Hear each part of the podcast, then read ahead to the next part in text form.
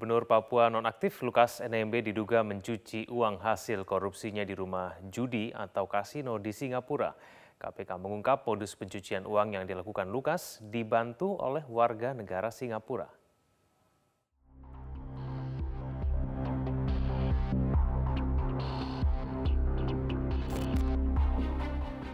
Komisi Pemberantasan Korupsi masih terus menelusuri aset-aset yang dimiliki Gubernur Nonaktif Papua Lukas NMB. KPK juga tak berhenti mengembangkan penyidikan terhadap Lukas. Meski sebelumnya KPK telah menetapkan Lukas sebagai tersangka dalam kasus dugaan penerimaan hadiah, gratifikasi dan suap terkait sejumlah proyek infrastruktur di Provinsi Papua, namun KPK kembali menetapkan Lukas sebagai tersangka kasus dugaan tindak pidana pencucian uang atau TPPU usai pengembangan kasus sebelumnya. Penyidik KPK menemukan dugaan tindakan menyamarkan, membelanjakan dan mengubah bentuk uang hasil tindak pidana korupsi yang dilakukan Lukas sebagai penyelenggara negara.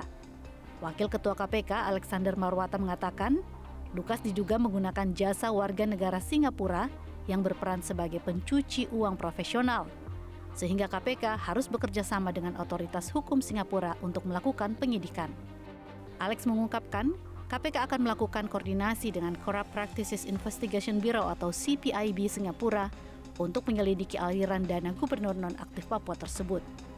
Mungkin kita akan KPK eh, akan berkoordinasi dengan CPIB itu KPK-nya Singapura eh, menyangkut yaitu tadi yang dulu sempat eh, ramai di media yang disampaikan oleh Menko Polhukam menyangkut dana Eh, LE yang mengalir ke rumah perjudian kan gitu. Nah, eh, dalam proses penyidikan TPPU kami akan berkoordinasi dengan pihak CPIB karena disinyalir itu melibatkan warga negara Singapura yang bertindak sebagai profesional uh, apa money launderer ya pencuci uang profesional memang dia memfasilitasi pencucian uang itu di sana. Sejauh ini KPK sudah menyita 27 aset milik Lukas NMB di Indonesia yang diduga terkait dengan TPPU. Aset-aset tersebut berupa uang senilai 81 miliar rupiah hingga hotel, dengan total nilai sementara mencapai 144 miliar rupiah. Sementara itu KPK mengaku kesulitan mencari bukti terkait kabar uang haram Lukas NMB mengalir ke organisasi Papua Merdeka atau OPM mengalir ke OPM ya saya nggak tahu nih kan gitu kan. Ya, dan nanti ya silakan Pak Asep kalau ada tambahan menyangkut aliran dana ke mana saja ada dugaan ya kita hanya bisa menduga saja kan. Tetapi apakah benar atau tidak tentu ya, harus dibuktikan. Kalau betul sebagian pengakuan misalnya betul Pak sebagian saya serahkan ke OPM buktinya apa? Kan pasti nggak ada juga tanda tangan kwitansi itu kan. Saya terima tanda kwitansi gitu kan. kalau dikasihnya secara tunai kan juga sulit juga. Ya ada sih ada ya dugaan ke arah sana tetapi dalam proses pembuktiannya itu yang kita kesulitan Pemirsa hari pertama libur panjang Hari Raya Idul Adha, arus lalu lintas di kawasan wisata Lembang, Jawa Barat meningkat. Sementara itu, arus lalu lintas di kawasan Simpang Gadok, Kabupaten Bogor, Jawa Barat sore ini terpantau ramai dua arah. Informasi selengkapnya akan disampaikan reporter Metro TV Ari Setia dari Simpang Gadok dan Rifki Nafis dari Lembang, Jawa Barat. Saya ke Rifki dulu. Rifki, setelah siang tadi mengalami kepadatan, bagaimana dengan arus lalu lintas kendaraan saat ini? Ya, selamat sore Zilvia dan juga pemirsa memang dilaporkan sejak siang hari tadi kondisi arus lalu lintas menuju ke kawasan wisata Lembang sudah terpantau mengalami peningkatan e, volume kendaraan bahkan juga mengakibatkan terjadinya kepadatan. Dan untuk sore hari ini kondisi serupa sebenarnya juga masih terjadi di mana peningkatan masih terlihat meskipun pada sore hari ini dominasi arus kendaraan eh, mengarah ke arah kota Bandung dari kawasan kota Lembang. Dan ada beberapa titik sebetulnya yang mengalami peningkatan volume hingga mengakibatkan kepadatan. Eh, di antaranya seperti salah satunya adalah di jalan raya sekitar alun-alun Lembang dan juga di jalan sekitar uh, Pasar Lembang dan memang hal ini biasa terjadi terutama pada sore hari bahkan hingga malam hari di mana memang banyak dari wisatawan e, memilih untuk kembali ke kota Bandung setelah pada siang harinya telah memadati sejumlah area ataupun lokasi wisata yang tersebar di kawasan Eh, Lembang. Meskipun memang tidak sedikit juga dari wisatawan yang memilih untuk menginap dan juga tetap berada di kawasan Lembang dan akibatnya tidak mengikuti ataupun tidak Eh, menambahkan jumlah kendaraan ataupun arus kembali ke arah kota Bandung.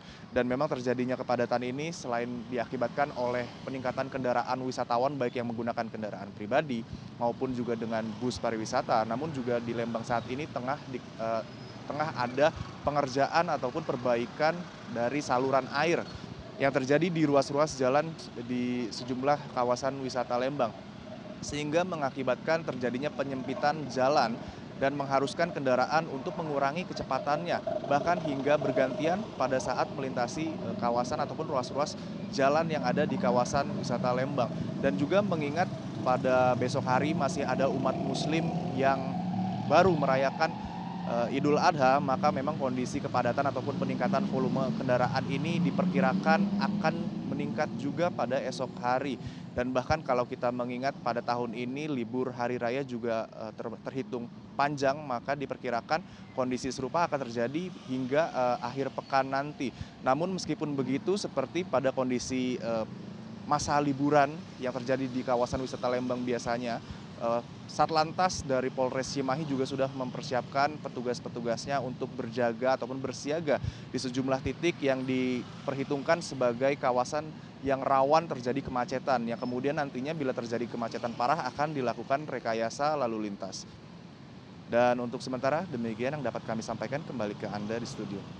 Baik, dari Lembang kita beralih ke Simpang Gadok. Ada Aris. Aris, dari pantauan Anda di mana saja titik kepadatan yang terjadi?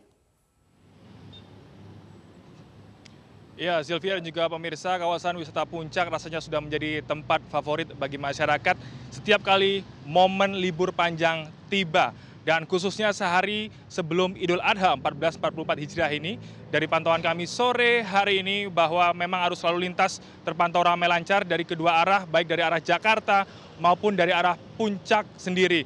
Dan dari informasi yang kami terima bahwa memang tadi pagi, siang hari, dan sore hari ini sempat beberapa kali terjadi kepadatan di beberapa titik yang berada di kawasan wisata Puncak. Dari informasi yang kami terima bahwa ada lima titik yang biasa menjadi uh, pusat ataupun kemacetan dari kawasan wisata puncak ini. Yang pertama adalah titik simpang Pasir Muncang dan kemudian yang kedua ini adalah simpang Megamendung dan yang ketiga adalah simpang Lokawiratama dan yang keempat adalah kawasan Pasar Cisarua dan yang terakhir ini merupakan kawasan Masjid Ataun karena sebagaimana masyarakat menghabiskan waktunya untuk berlibur di kawasan wisata puncak ini Masjid Ataun menjadi tempat favorit bagi masyarakat untuk beristirahat dari kemacetan panjang yang mereka alami dari titik Simpang Gadok ini sampai dengan kawasan Puncak Pas. Zilvia. Aris, apakah ada rekayasa lalu lintas yang diterapkan petugas di sana? Ya, sebagaimana momen libur panjang yang sudah biasa di dihadapi oleh pihak Satlantas Polres Bogor, tentu pihak Satlantas Polres Bogor tidak bukan tidak ada persiapan dalam menyambut momen libur panjang Idul Adha 1444 Hijriah ini. Dari pantauan kami bahwa tadi pagi sudah sempat dilakukan rekayasa arus lalu lintas, yakni berupa ganjil genap yang diterapkan pada pukul 6 waktu Indonesia Barat sampai dengan pukul 10 waktu Indonesia Barat. Dan tadi dari informasi yang disampaikan langsung oleh KBO Satlantas Polres Bogor, yakni Ibtu Ardian Novianto menjelaskan bahwa arus lalu lintas kendaraan dari Jakarta yang menuju puncak pada hari ini cenderung lengang. Oleh karena itu, rekayasa arus lalu lintas ganjil genap tadi pagi ini hanya diterapkan selama kurang lebih 4 jam, mulai pukul 6 hingga pukul 10. Dari informasi yang kami terima juga bahwa dalam menghadapi momen libur panjang Idul Adha 1444 Hijriah ini, bahwa pihak Satlantas Polres Bogor akan menerapkan Sistem ganjil genap ini mulai Selasa 27 Juni 2023 hingga nanti pada 2 Juli 2023. Dan khusus pada hari ini, tadi juga siang hari sekitar pukul 13 lewat 15 menit waktu Indonesia Barat juga sempat diterapkan rekayasa arus lalu lintas berupa one way satu arah dari arah puncak menuju Jakarta. Dan penerapan one way tadi ini memang berdasarkan adanya insiden kecil, yaitu kecelakaan yang dialami oleh satu unit bus di kawasan puncak, yang mana bus ini kemudian masuk ke kawasan Parit, dan kemudian pihak Satlantas Polres Bogor menindaklanjuti kondisi tersebut dan untuk mengurai kepadatan yang ada diterapkanlah sistem one way satu arah dari arah puncak menuju Jakarta. Dan tadi penerapan one way ini berlangsung sampai dengan pukul 15.00 waktu Indonesia Barat.